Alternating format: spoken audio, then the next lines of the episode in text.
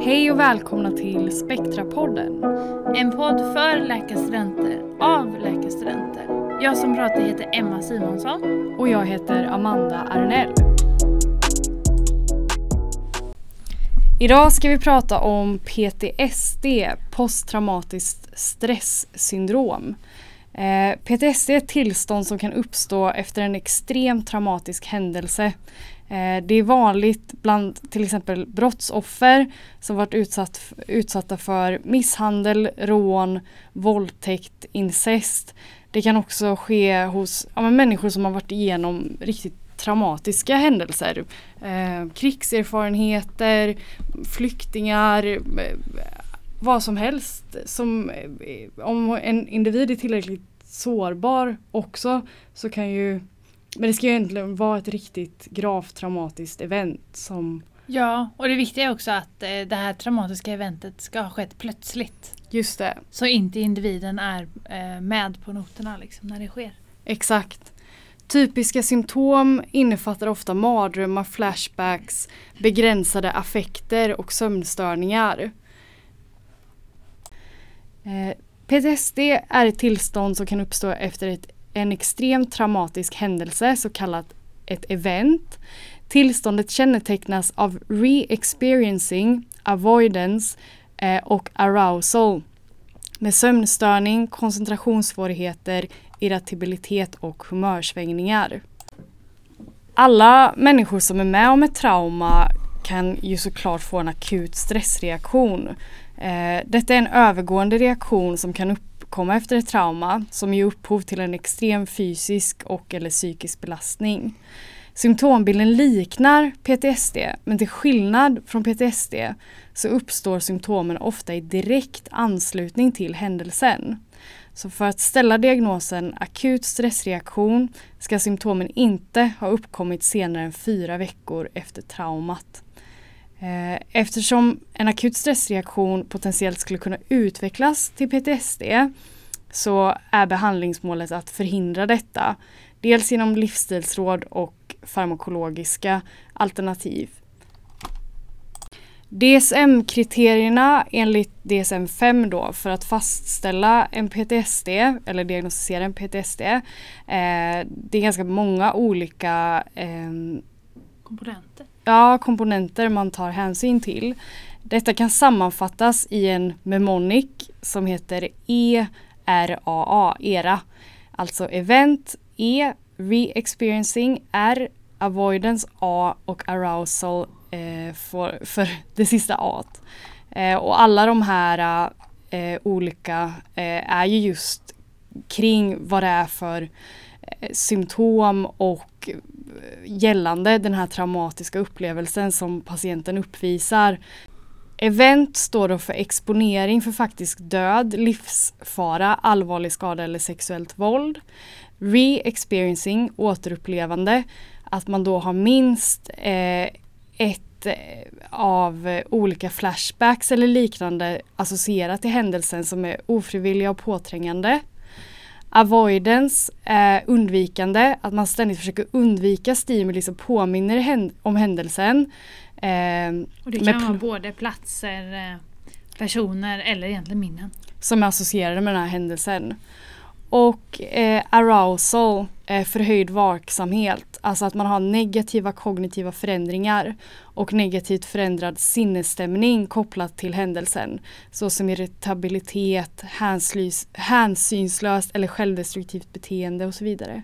Och alla de här ERA, eh, alltså event re-experiencing, avoidance, arousal, de ska ha varit tillsammans i en symptomduration på minst en månad och symptomen orsakar lidande eller försämrad funktion.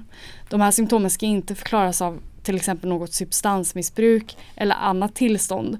Eh, och detta sista kan ju vara lite problematiskt då just missbruksproblematik kan förekomma som en typ av coping strategy eh, för personer som lider av PTSD. Hur utreder man då eh, PTSD? Som med alla andra diagnoser så är anamnesen väldigt viktig. Här ska anamnesen eh, innehålla det mesta som DSM-kriterierna som, som Amanda precis eh, tog upp. Inom primärvården så kan man använda ett screeningverktyg Eh, som innebär då eh, Första frågan är eh, haft mardrömmar eller tänkt på det fast du inte ville det. Andra frågan, undvikit att tänka på det eller undvikit situationer som påminner om den stressande upplevelsen från tidigare. Tredje frågan är hela tiden varit på din vakt eller lättskrämd. Och fjärde frågan är upplevt dig som bedövad eller avskuren från andra människor, aktiviteter eller från din omgivning. Om man har fått många po poäng på den här screeningen så ska man ta en fördjupad anamnes för att då kunna ställa diagnosen PTSD enligt DSM. Det är också viktigt att ha en kompletterande screening enligt eh, olika skattningsskalor. Där man brukar prata om MINI till exempel. Eh, som Amanda också var inne på så är substansmissbruk eh, väldigt vanligt som copingstrategi. Därför ska man också använda skattningsskalor såsom Audit och Dudit. Både för att få en eh, konkret bild som vårdpersonal men också för att patienten kanske ska få mer ehm, insikt i eh, sin problematik. Det är också viktigt att kartlägga den sociala situationen. Både för att få en bild som vårdpersonal men man har också sett om man har en trygg social situation runt sig efter en PTSD eh, eller traumatiskt event som hela det här avsnittet grundar sig på så får man bättre behandlingsresultat. Och självklart som i alla andra utredningar så ska man ju inte utgå ifrån att den här patienten man har framför sig har PTSD. Utan det är viktigt att tänka brett och också tänka, är det några andra symptom som kan förklaras eh, och ge upphov till den här bilden? Eller andra eh, sjukdomar ja. egentligen. Precis. Diagnoskriterierna för en patient med PTSD bygger då på DSM-5. Um, ehm, så det oftast så används kanske ett skattningsverktyg. Emma har pratat om ett skattningsverktyg som används inom primärvården som vi fick information om här på Göteborgs universitet. Internationellt och jag tror väl även i Sverige också kan man även använda Primary Care PTSD Screen, PC PTSD, eh, för att se om de här diagnoskriterierna för DSM-5 PTSD är uppfyllda. Man brukar prata om eh, specifika riskgrupper eh, för de som utvecklar PTSD. Ehm, en kraftigt ökande frekvens eh, som ligger på ungefär 10-30% kan man se ehm, inom gruppen brottsoffer där misshandel, rån, våldtäkt och incest.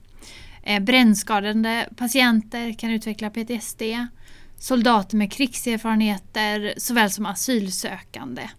Man eh, ser också en ökande frekvens av PTSD ehm, bland intensivvårdspersonal, brandmän och lokförare. Som eh, lokförare så tänker jag att det skulle kunna vara till exempel att eh, en person har eh, ja. lagt sig på spåret. Precis. Och de inte hinner bromsa i tid. Nej, och det kan ju vara otroligt traumatiskt och väldigt jobbigt att vara med om det. Nej.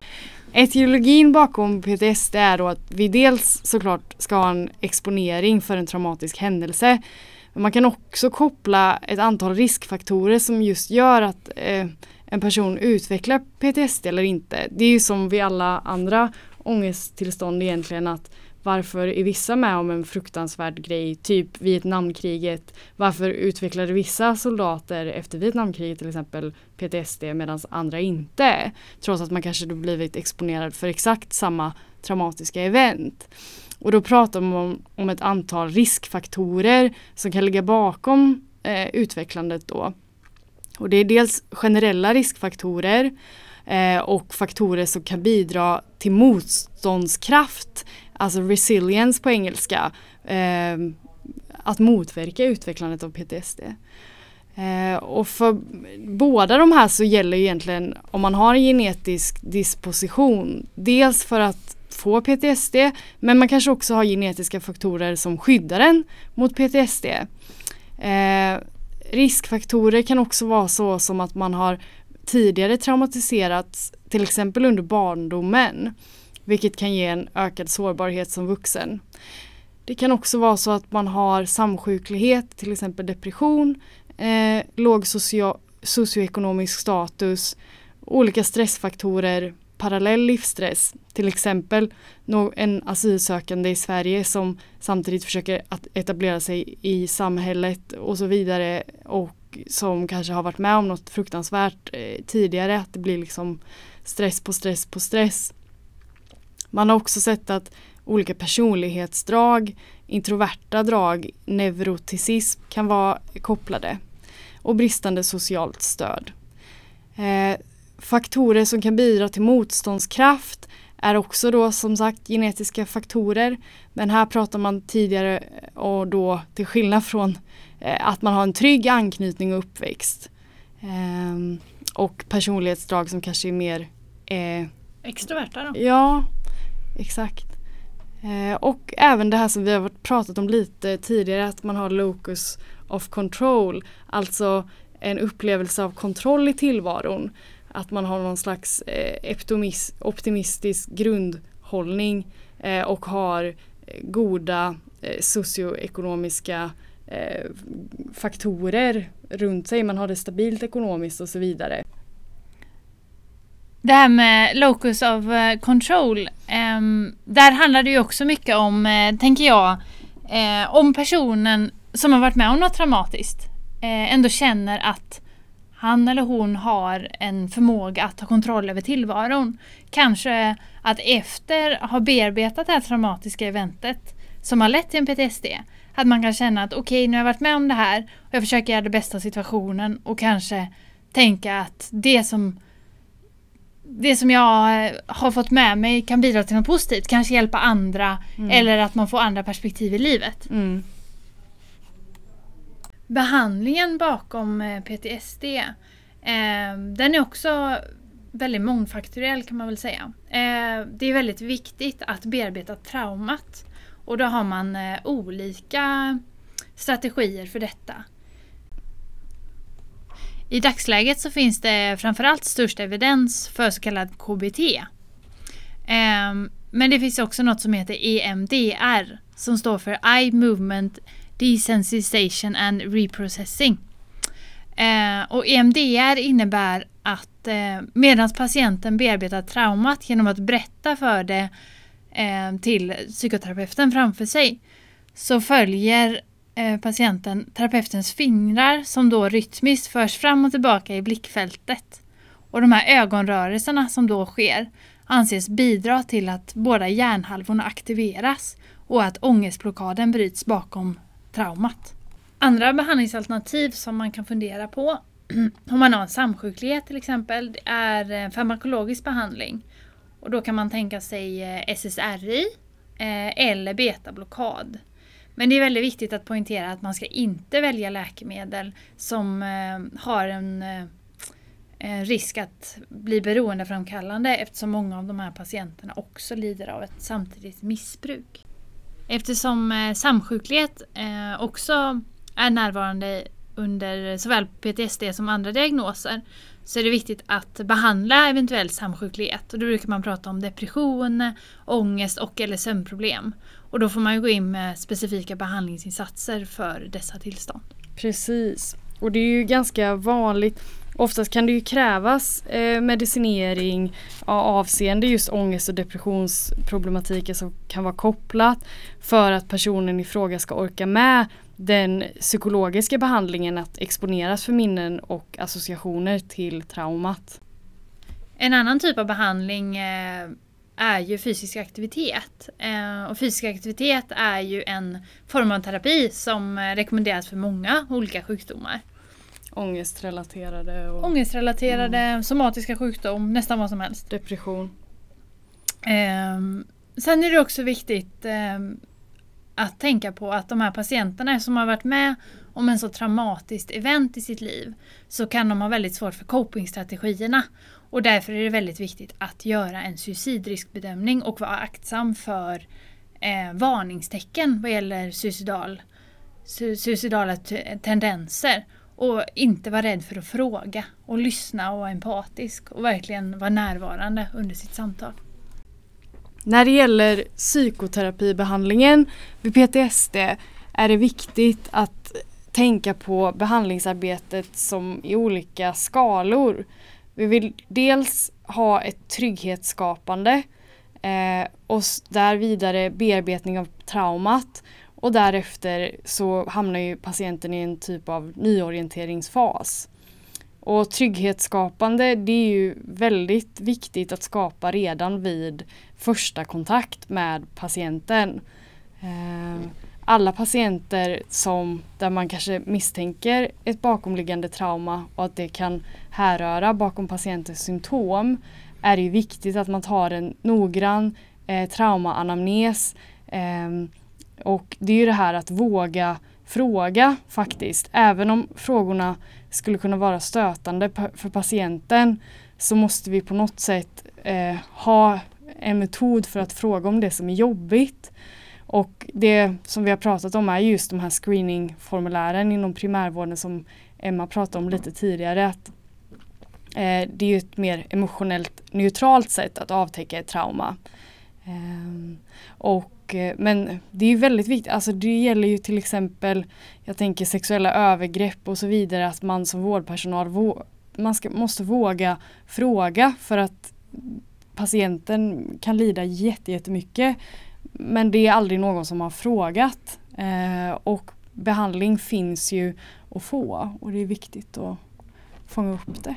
Ja men det här med att våga fråga, även om det är stötande som du säger i stunden så bidrar det ändå till att du startar en process där du kan bearbeta traumat så att du långsiktigt blir mycket bättre. Och det är ju det som alla runt patienten vill, att patienten ska må bra. Och då är det klart att även om det är jobbigt i stunden så måste man, det ibland vara jobbigt i stunden för att sen bli bättre. Ja, målet är ju att eh, förhindra framtida komplikationer. Eh, allt möjligt och att alla människor har rätt till ett bra liv.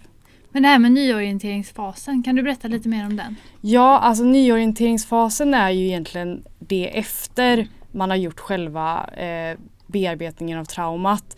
Så bearbetning av traumat var ju det här med KBT eller till exempel EMDR då. Och efter det här så siktar nyorienteringsfasen på att individen ska kunna återta de livsområden som förlorats genom PTSD-syndromets undvikande symptom.